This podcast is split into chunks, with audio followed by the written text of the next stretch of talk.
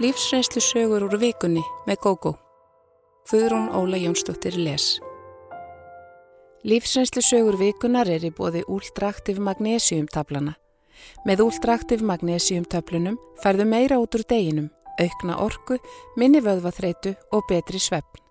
Úldraktiv magnesiumtöflunar fást í öllum helstu apotekum landsins. Örlega ríkar kaffislettur. Tæplega 17 ára gömul var ég farin að búa með kærastanum mínum sem var áratug eldri en ég. Á meðan vinir mínir sátu á skólabekk og sömur hverjir að búa sig undir að taka bílprófið var ég önnum kafin við reyðurgerð, óléttað fyrsta barninu. Þótti sjáu ekki eftir neinu, myndi ég ekki vilja sjá dóttur mín að feta í mín fótspor.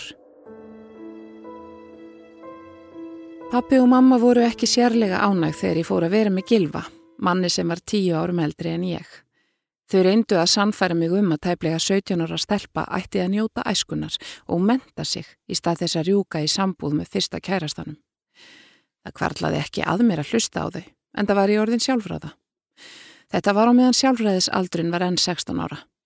Ég mátti vissulega ekki aka bíl, kjósa eða kaupa áfengi, en mér fannst ég nógu gömul til að geta tekið eigin ákverðanis. Þegar ég varð ófrísk, Skömmu eftir að ég fór að búa. Hættu fóreldrar mínir að nöldra í mér og einbeittu sér að því að styðja við bakið á mér og kærastannu mínum. Ég nöyti þess að vera húsmóðis og þegar sónur minn fættist fannst mér lífið fullkomið.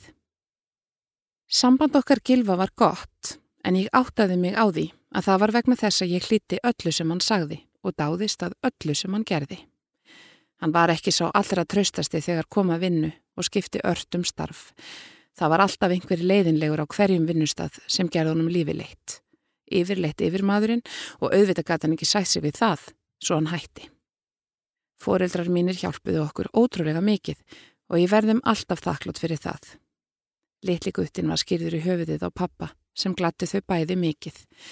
Þegar ég hugsa tilbaka, sé ég ekki hvernig þetta hefði gengið án aðstóðar þeirra.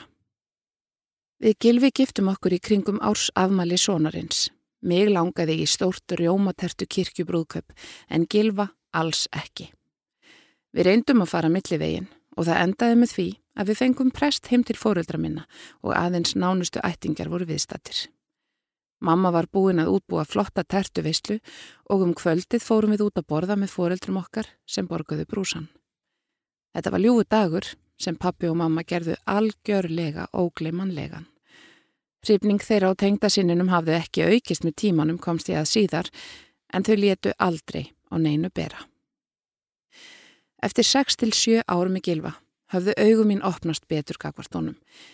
Ég elskaðan þrátt fyrir alla hans galla en það sem ángraði mig mest var karlremban í honum, öll stjórnseminn og það að það neytaði að koma nálagt húsverkunum.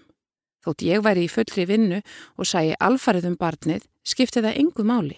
Þannig að vinnudagur minn var mun lengri en hans. Ég var yðurlega döðþreitt sem pyrraðan og hafði slæm áhrif á hjónalífið. Þegar ég byrjaði að kvarta fór hann að tala um að við ættum að bæta við öðru barni og það gerðum við.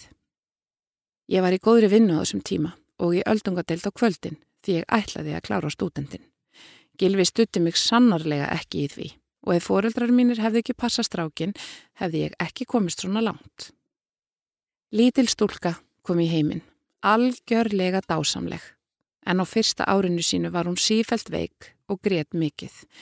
Það þreytti gilfa mikið, svo mikið að hann gafst upp og fann sér aðra konu.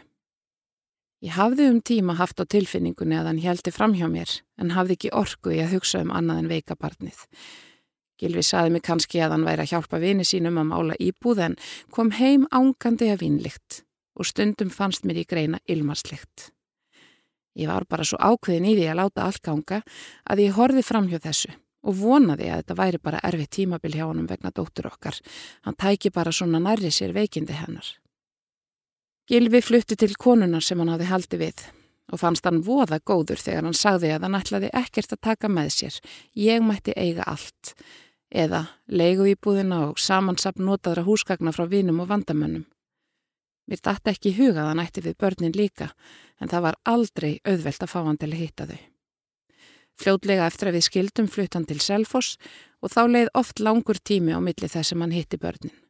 Sónur okkar dáði pappasinn og saknaði hans mikið. Fyrsta árið eftir skilnaðin var ég í sárum. Ég var einmanna og fannst lífið heldur tilgangslist án maka.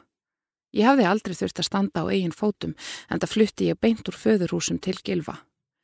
Ég var vissum að engin maður vildi mig með svona pakka í eftirdrægi. Strák sem var að verða úlingur og litla stelpu sem var sífell lasinn. En svo fór að rofa til í höfðinu á mér og ég ákvaði að gera framtíðar á allins. Eftir að heilsa dóttur minnar lagaðist, breytist mikið og eftir að hún byrjaði í leikskóla voru mér allir vegir færis. Ég gerði hlutina með trukki, lærði á bíl, ákvaða að klára stúdendin og fara síðan í háskóla. Pappi og mamma stóðu þétt við bakið á mér en án þeirra hjálpar við batnapössun hefði þetta valla gengið upp. Ég vann myrkran á milli þar til ég fór í háskólan en þá fór ég á námslán.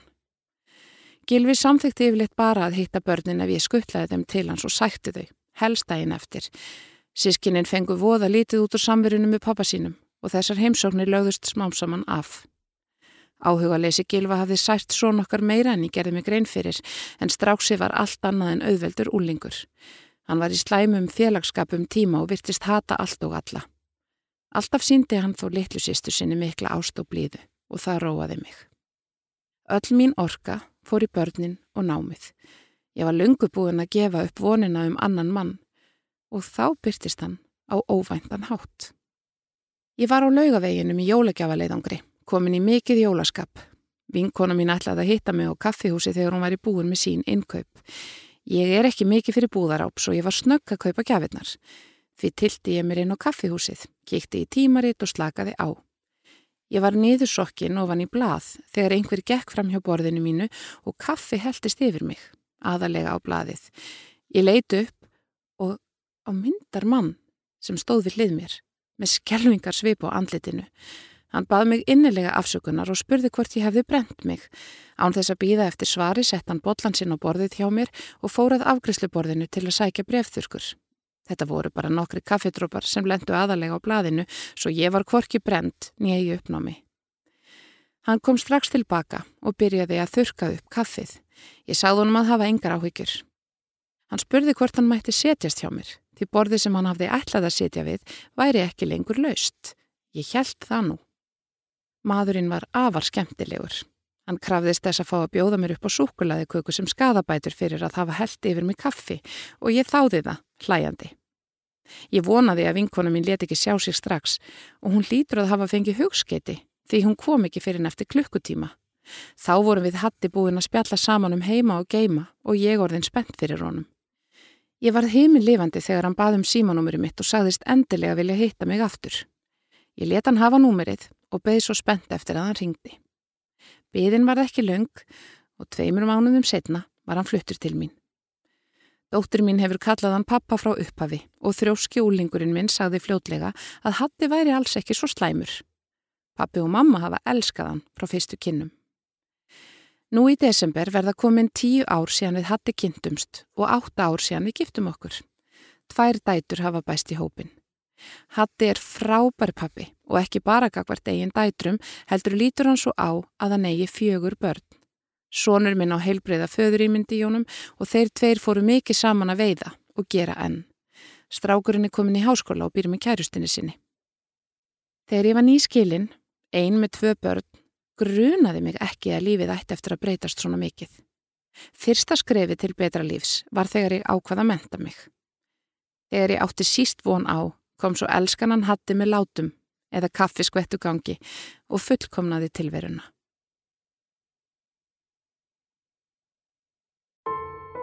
Martraðarkent matarbóð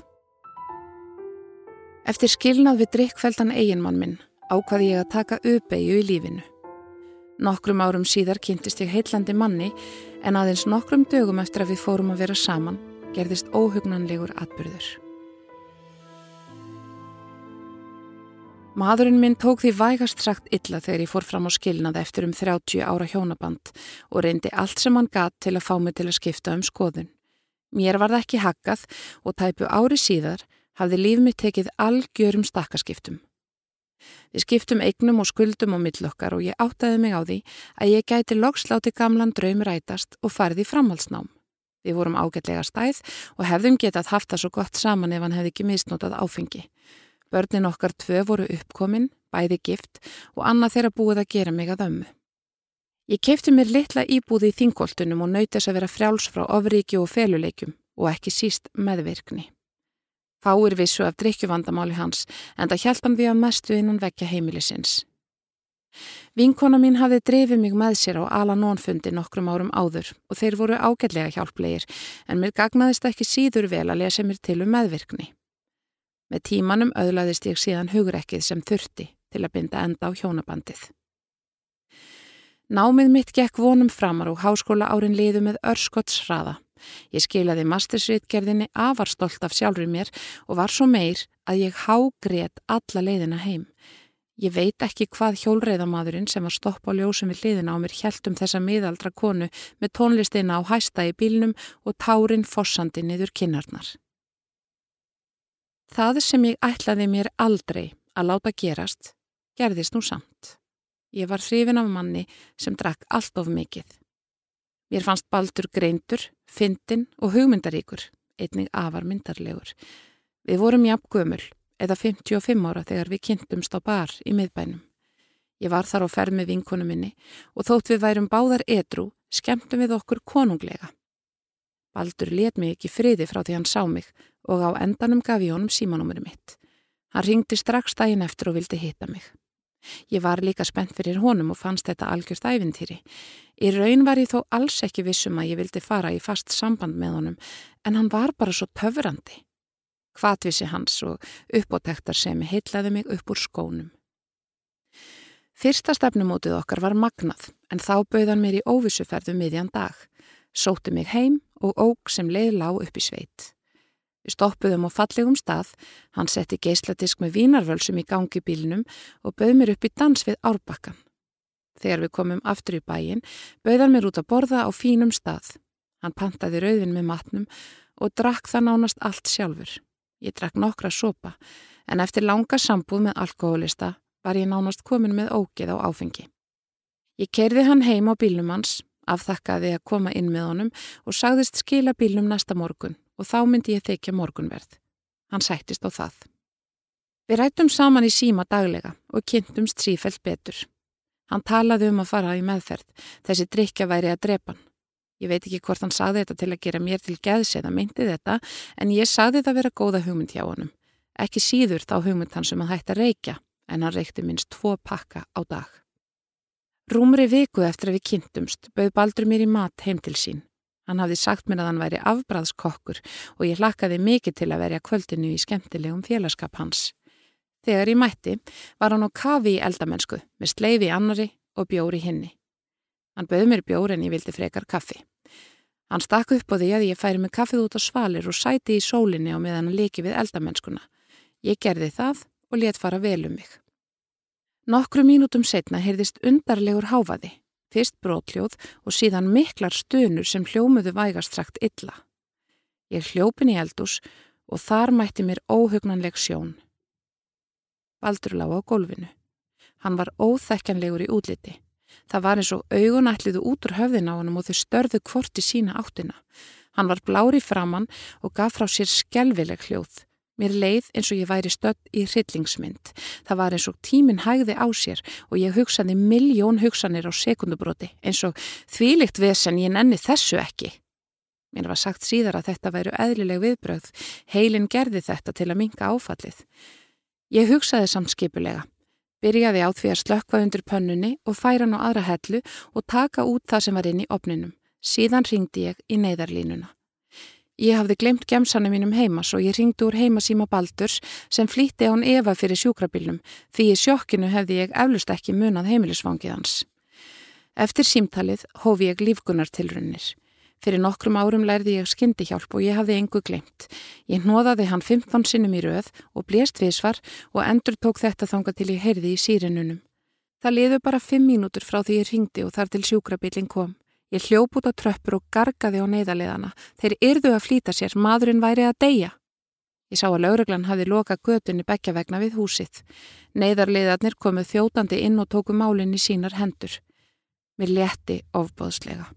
Ég varði eftir í íbúðinni og eins og í leiðslu hreinsaði ég upp glerbrotin á gólfinu, flegði matnum í ruslatununa úti og vaskaði upp. Síðan tók ég nokkra hluti í eigu baldurs eins og gemsan hans og liklanað íbúðinni og óg upp á spítala. Ég fekk ekki að sjá hann en baðum að þessu væri komið til hans. Svo fór ég heim, en í algjöru áfalli. Baldri var haldið sofandi í nokkra daga. Ég ringdi annað slægið á sjúkrahúsið og fekk frettir af honum, ekki í smáatriðum því ég var ekki ættingi en ég fekk þó að fylgjast aðeins með. Þegar hann var vaknaður fór ég í heimsökt til hans. Hann myndi ekkert eftir mér. Baldur hafði dáið í nokkra mínútur. Hann fór í hjartastopp með tilirandi súrefniskorti. Ef ég hefði ekki gert lífgunartilurnirnar á honum hefði hann ekki haft þetta af, tjáði læknirinn hans mér. Ég myndi baldur á það sem hafi gerst þessa daga okkar saman áður en hann neig niður og þótt hann myndi ekkert eftir mér, sagði hann að þetta væri örlögin.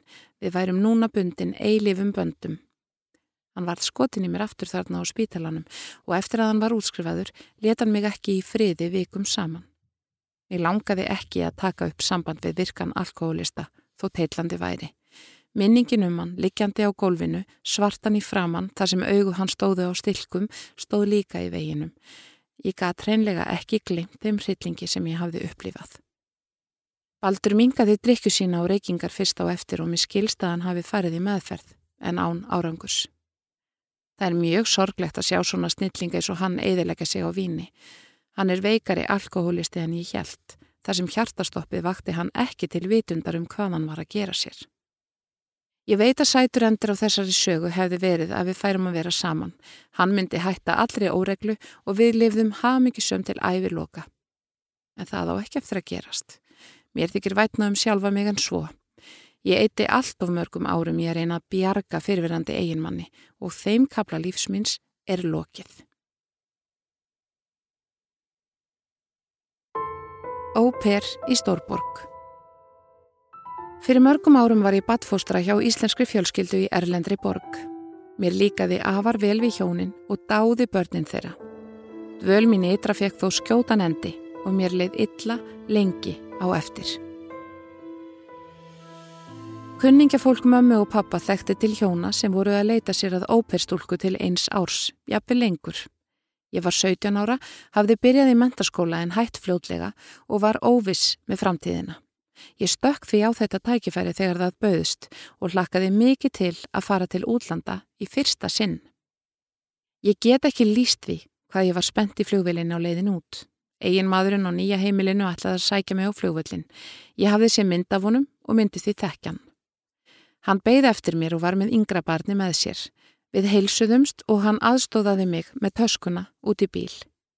Ég horfi heitluð í kringum mig á framandi mannlífið. Þarna sá ég fleira svart fólk en ég hafði séð alla mína æfi, sá indverja með vefjarhetti og konur huldar slæðum og allir virtust lifa saman í sátt og samlindi í Stórborginni. Þetta var auðvitað löngu áður en allar áróðursmaskinur fóru í gang um að sumir væru verri en aðrir vegna siða þeirra og trúar. Eftir um klukkutíma ferð frá fljóðvillinum ógum við að fallegur aðhúsi þar sem fjölskyldan bjó. Egin maðurinn, sem ég ætla að kalla Jón, vann í miðborginni en konan hans, Guðrún, var í námi. Hún var talsvert yngri en hann. Þetta var fyrsta hjónaband hennar en hans annað og hann átti stálpað barð frá fyrra hjónabandi. Ég komst að því að hann hafði ennverið giftur þegar þau Guðrún fóru að vera saman.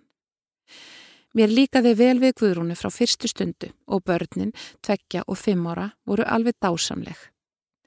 Starf mitt var í því fólkið að fylgja eldrabarninu í skólan alla virkadaga, passa það yngra og gera létt húsverk.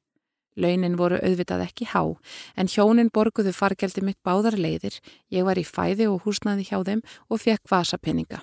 Mér fannst það ljómandi fínt, að auki borguðu þau fyrir mig tungumálan á mig kvöldskóla sem ég fór í tvísvar í viku. Mér fannst ég hefnast að stelpa í heimi, vaknaði glöð og full tillökunar á hverjum degi. Leiðin í skóla eldrabarsins var mjög falleg og þótt hún væri nokkuð laung, nöyti þess að fara hana. Ég var með yngra barnið í kerru og það eldra tölti með. Ég hafði verið svo litið þippin við komuna, en við þessar gönguferðir kvarf allt kvolparsbyggið af mér á nokkru mánuðum. Guðrún var yfirleitt að heiman allan daginn og það var sérstakt metnaðarmál hjá mér að hafa húsi reynd og fínt og matinn tilbúin þegar hún kom heim. Hún var alltaf svo glöð. Ef hún kom eitthvað fyrir vild hún elda sjálf en hún var frábær kokkur og ég lærði mikið af henni. Jón sá yðurlega um morgunverðin. Úrvalið af ávöxtum og grænmiti var ótrúlega mikið, ég hafði ekki séð annað eins. Heima á Íslandi var svo kallaður mömmumatur algengastur, kjötbólur, soðin fiskur og slíkt, en ekki mikið um salat, ávexti og grænmiti, þótt að ætti svo eftir að breytast mikið. Á þessum tíma voru engar tölfur eða farsímar. Þetta heimili mitt var heimurinn minn og þar var bara heimasími og sjónvarp. Ég fekk stundum bref frá mömmu og pappa einnig bestu vinkonu minni, en á þessum árum splæsti fólk ekki í fókdýr símtölmilli landaða gamni sínu. Ég var einangruð, þótt mér liði ekki þannig lengst af. Jón var frá upphafi mjög indall við mig, en eftir nokkrar vikur fór hann að vera enn indalli, eiginlega óþægilega indall. Hann tók stundum utanum mig, hjælt um höndin á mér og annaði þeim dúr. Hann gerði það aldrei í návist konu sínar. Ég var búin að vera ytra í nokkra mánuði þegar hann sagði við mig að ég væri gullfalleg, sá maður er þið heppin sem fengi mig. Ég hló vandraðalega og vissi ekki hvernig ég ætti að taka þessu. Ég var algjört barn í svona málum en hafði þó átt kærastafum hríð skömmi áður en ég fór út. Ég tók strætó í kvöldskólan en Jón bauðst stundum til að keira mig ef Guðrún var komin heim. Hann fór að tala um hjónaband sitt við mig í þessum ferðum, segja mér að hann væri stundum svo óhæmingusamur því Guðrún væri köld á sömum sviðum.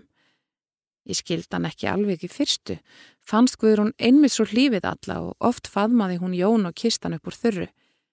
Jón var mjög myndarlegur maður og ég neytaði ekki að ég varð svo litið upp með mér yfir rósi hans en fannst óþægilegt þegar hann talaði á kynferðislegum nótum við mig. Það var alltaf rámt við að gera 17 ára bartfóstru eða trúnaðarvinkonu sinni en ég áttaði mig ekki á því þá.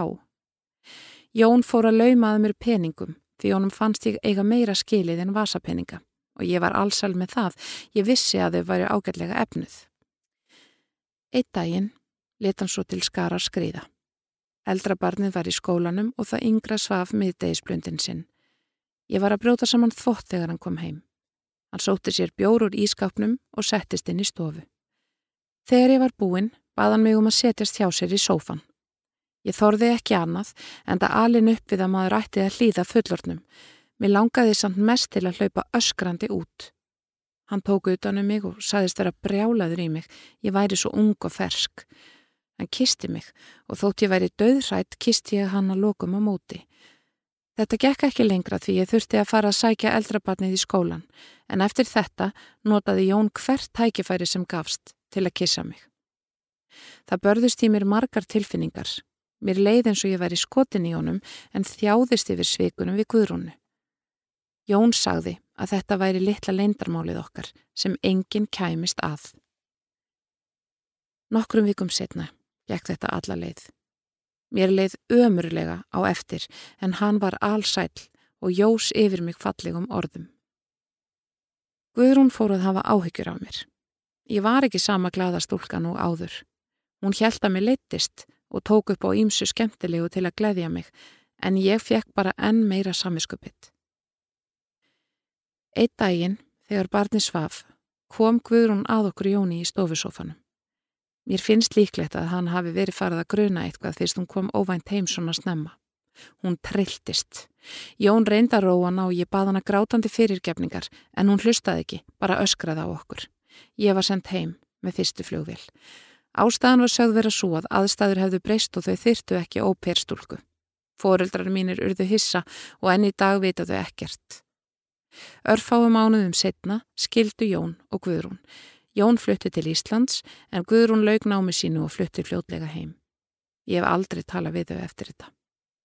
Í mörg ár var ég uppfull af skömm. Ég áttaði mig á því að Jón hafði notvært sér aðstöðu sína. Þarna var ég algjörlega upp á þau hjónin komin, först í fjarlægu landi og langt frá öllu mínu fólki.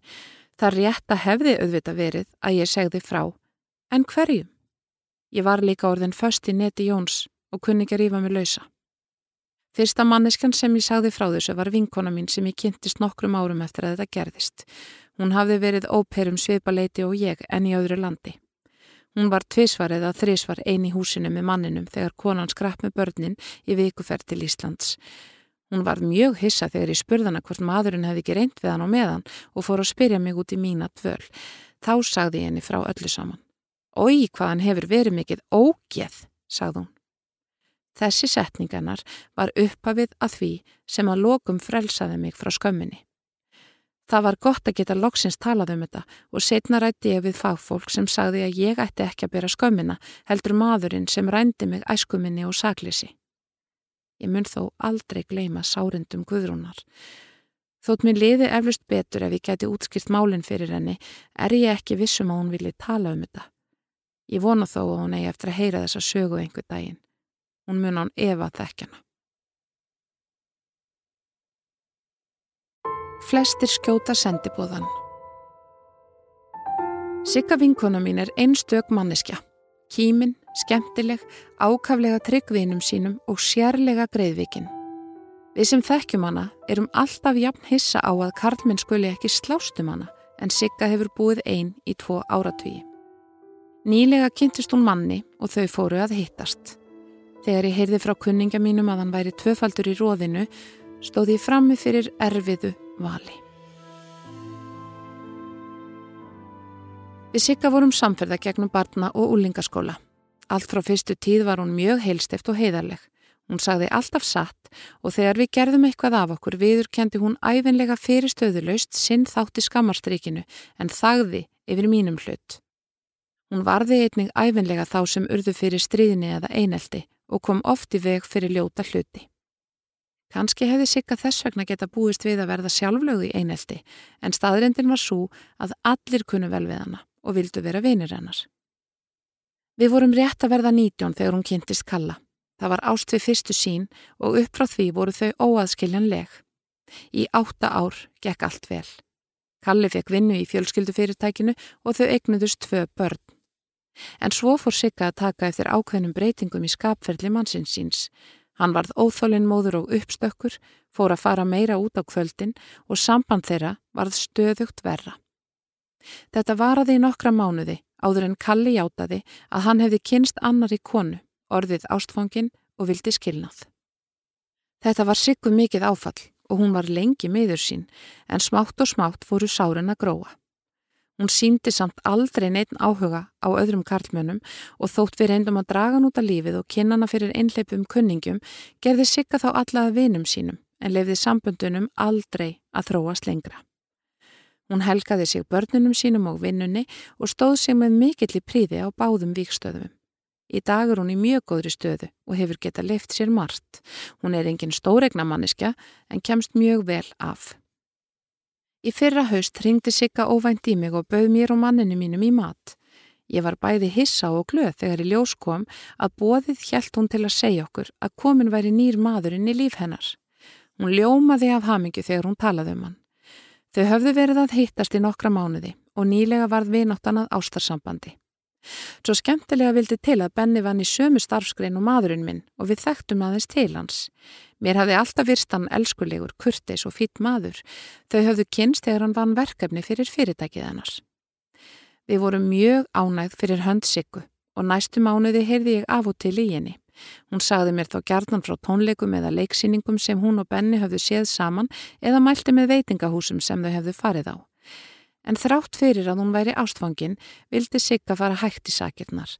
Hún hafði alltaf sagt að hún væri einhleip og ána með það og þótt krakkanir hennar væru stálpaðir vildi hún ekki bjóða þeim upp á að hún færi að búa með manni fyrir hún væri alveg vissum að hann passaði inn í lífið þeirra. Svona var sem sagt staðan hjá Siggu, vinkonu minni, fyrir nokkrum vikum. Þá var mér bóðið í koktelbóði tengslum við vinnuna mína. Ég var valla komin inn í salin þegar ég kom auga á gamla samstarfskonu og gekk til hennar og heilsaði. Hún var glöð og kátt en það var bóðið til að halda upp á áfanga sem fyrirtæki hennar hafði nýlega náð. Við spjöldluðum um heima og geima en allt í hennu sagði hún Ég hefði ótt að taka Benna vinnminn með mér. Hvaða Benna? spurði ég. Hún nefndi hann fullu nafni og starfskrinn hans líka og mér hann kallt vatnmilli skins og hörunds. Þetta var bennina Siggu sem hún var að tala um. Hvers vegna hefði verið sniðut að taka hann með, spurði ég. Vegna þess að hann er alltaf að leita sér að konu og hér eru svo marga glæsilegar konur, svaraði hún. Alveg síðan hann skildi fyrir tveimur árum hefur hann talað um hversu einmann hann er og að hann þráið að kynna skóður í konu. Ég er búin að kynna hann fyrir mörgum en enginn hefur staðist kröfur hans til þessa. Hún fór að skelli hlæja og bætti síðan við að Benni yrði að átta sig á að margt væri mikilvægara en útlitið. Þótt ég væri nokkuð vissum að ég læsi stöðuna rétt vildi ég þó vera viss, svo ég spurðana hvort það veri langt síðan hún hefði talað við Benna. Nei, svarað hún, Við töluðumst síðast við í gær. Hún var auðvitað hissa á þessari spurningu minni og vildi vita hvers vegna ég hefði áhuga á þessu. Ég gati ekki hugsa mér að segja henni frá Siggu, svo ég svaraði bara að maðurinn minn kannaðist lauslega við Benna og ég hefði bara verið að velta þessu fyrir mér vegna þess að hann hefði haldið að Benni væri í sambandi. Nei, ekki aldeilis, sagði hún. Ég er þið nú sennilega fyrst til að frétta það. Við Benni höfum verið vinir frá því í mentaskóla og gamla klíkan okkar hittist einu sinni í mánuði og borðar saman. Hann hefur talað mjög opiskátt um hversu mjög hann langi til að verða ástfangin aftur. Ég sannferðum að hann hefði látið okkur vini sína vita væri eitthvað í gangi. Ég kvatti þessa konu eins fljótt og ég gatt og flýtti mér heim. Mér leið afskaplega illa og gati ekki hugsa mér að vera þarna lengur. Mér langaði mest að taka upp síman og ringja í siggu og segja hann að treyst ekki þessu manni, en svo gati ekki hugsa mér að gera henni það. Mér fannst hún líka eiga það inni að ég segði henni þetta augliti til auglitis. Ég sagði manninu mínum strax frá samtalinu og hann var sammála mér um að sigga yrði að fá að vita þetta. Við tókum þá ákverðun saman að ég færi til hennar strax daginn eftir og segði henni frá þessu. Dægin eftir höfðu hins vegar unnið tvær grímur á okkur bæði. Hvað ef þessi kona hefði eitthvað miskili benna eða oftúlkað orðhans á einhvern hátt? Mér fannst líka ömurlegt að vera svo sem eiðilegði nýfundna hamingju vinkonu minnar. Og hvað ef þetta væri alltaf ástæði lausu? Kanski vildi Benni bara ekki að vinir hans og mentaskóla væru eitthvað að slúðra um hans mál. Ég og maðurinn minn veltum þessu fyrir okkur fram og tilbaka og komumst ekki að neitni niðurstöðu. Að lokum baði hann að hlera meðal samstarfsmanna og kollega sinna og Benna hvort einhver staðar hefði heyrst talað um að Benni væri búin að finna sig konu. Kanski var þetta lúalegt og að minnstakosti alls ekki í andaminnar heiðarlegu vinkonu en svona fórum við að. Og skemstir frá því að segja að hvergi hafði Benni talað um að hann hefði kynst konu og þau væru að hefja samband. Mér fannst þess vegna augljóst að honum þætti einfallega þægilegt að njóta góðs matar og notaleg heita heima hjá Siggu og hafa hana sem félaga þegar hann langaði eitthvað út. Hann væri hins vegar ekki ástfangin og alls ekki á þeim buksunum að bindast henni. Það endaði með því að ég taldi mig kjark og fór til Siggu. Ég sagði henni alltaf létta um samtal mitt við konuna og njósnur okkar hjónana um hvernig Benni talaði um hvennamál sín. Viðbröðanar komum mér mjög á óvart. Hún varð alveg ísköld og horfi á mig með fyrirlitningu. Ég segja ekki hún hafi vísað mér á dyr en hún varðla yrti á mig það sem eftir var heimsóknarinnar. Ég fór því fljótt og ég hef ekki heyrtið Siggu síðan. Ég hef tviðsvar ringt en hún svarar ekki og hún hefur hend mér út af fjersbókinni. Allir þekkja gamla orðtakið um að skjóta sendibóða vondra tíðinda og nú hef ég sannreint það á eigin skinni.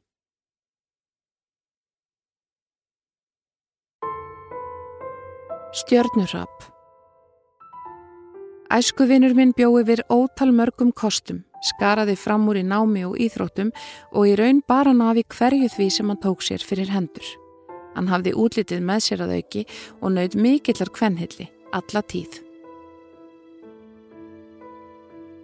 Við Ragnar byggum við sömu götu og sátum hlið við hlið í skólanum. Hann var alltaf hæstur í beknum og fekk oftar en ekki verðlun og viðurkenningar fyrir framistöðu sína. Ekki virtist að breytunum, hann var alltaf sami skemmtilegi vinurinn og naut mikill að vinsalda í skólanum. Hann tók þátt í óknittu með okkur vinum sínum en meðfætur sjarmi hans bjargaði okkur oftar en ekki úr klípu hjá kennurunum og skólastjóranum. Engin virtist öfundan, krakkarnir sættu sig bara við að hann væri bestur. Strax á úlingsaldri nautur Ragnar gífurlegrar kvennhilli og gatt valið úr stelpum í skólanum. Honum líkaði það reynd ekki illa en sambönd hans stóðu þó fæst lengi yfir.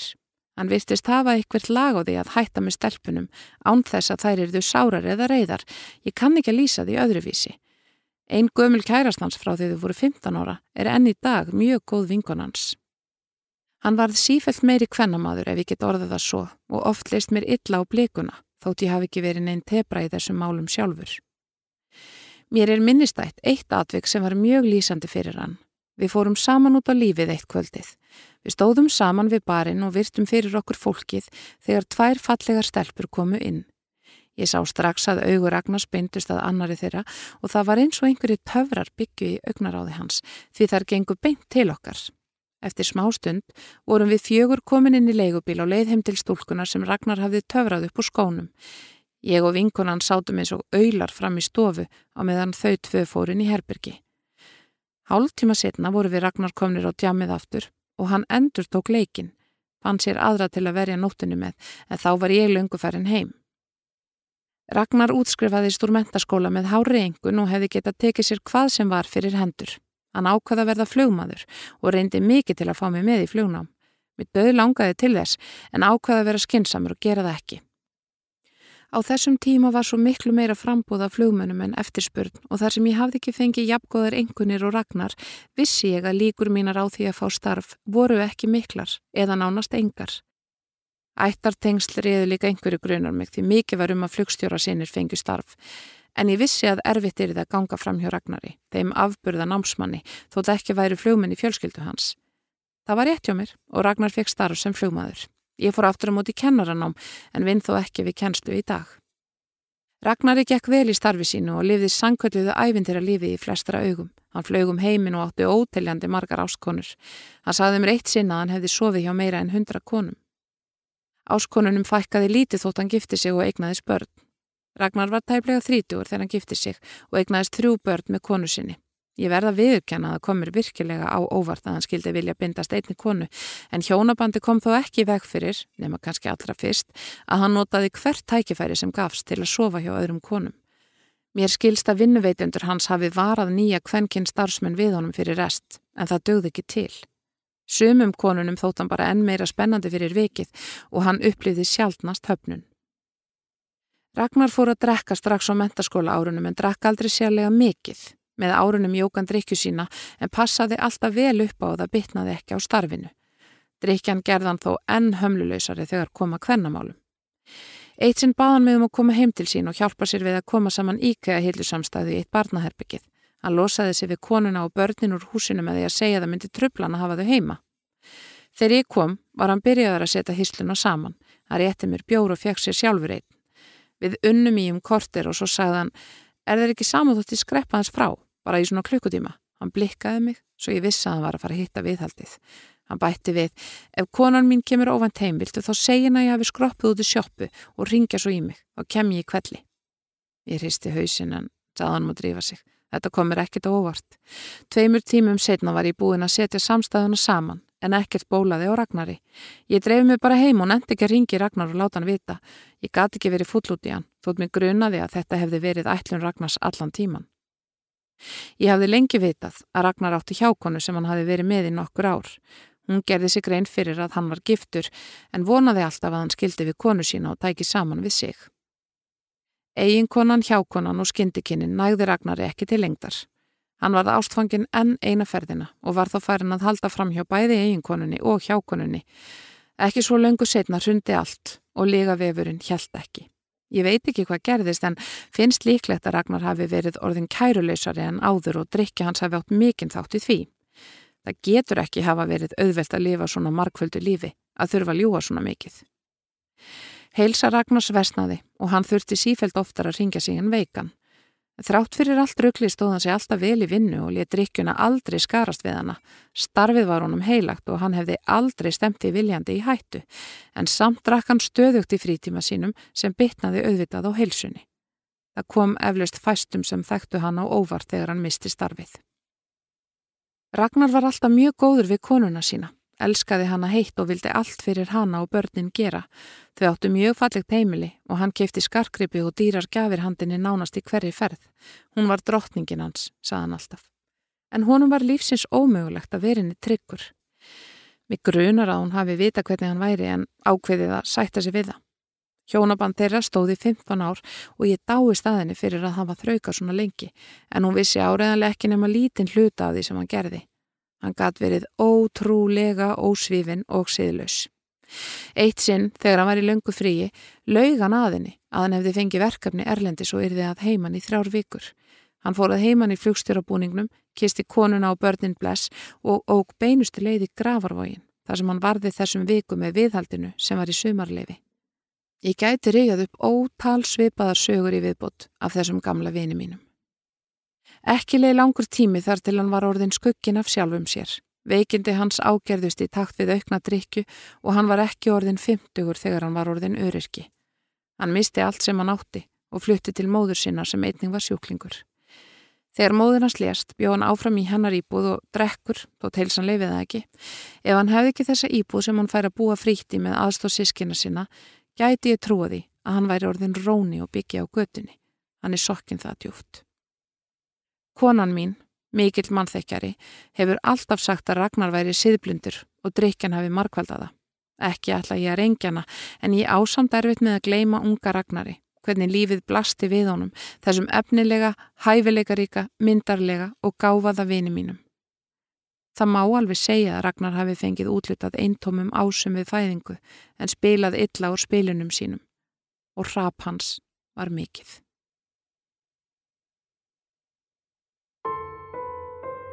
Þú varst að hlusta á lífsreynslusögur úr vikunni með GóGó í lestri Guðrúnar Óli Jónsdóttur og framleiðslu Storysight árið 2020. Höfundaréttur Vikan.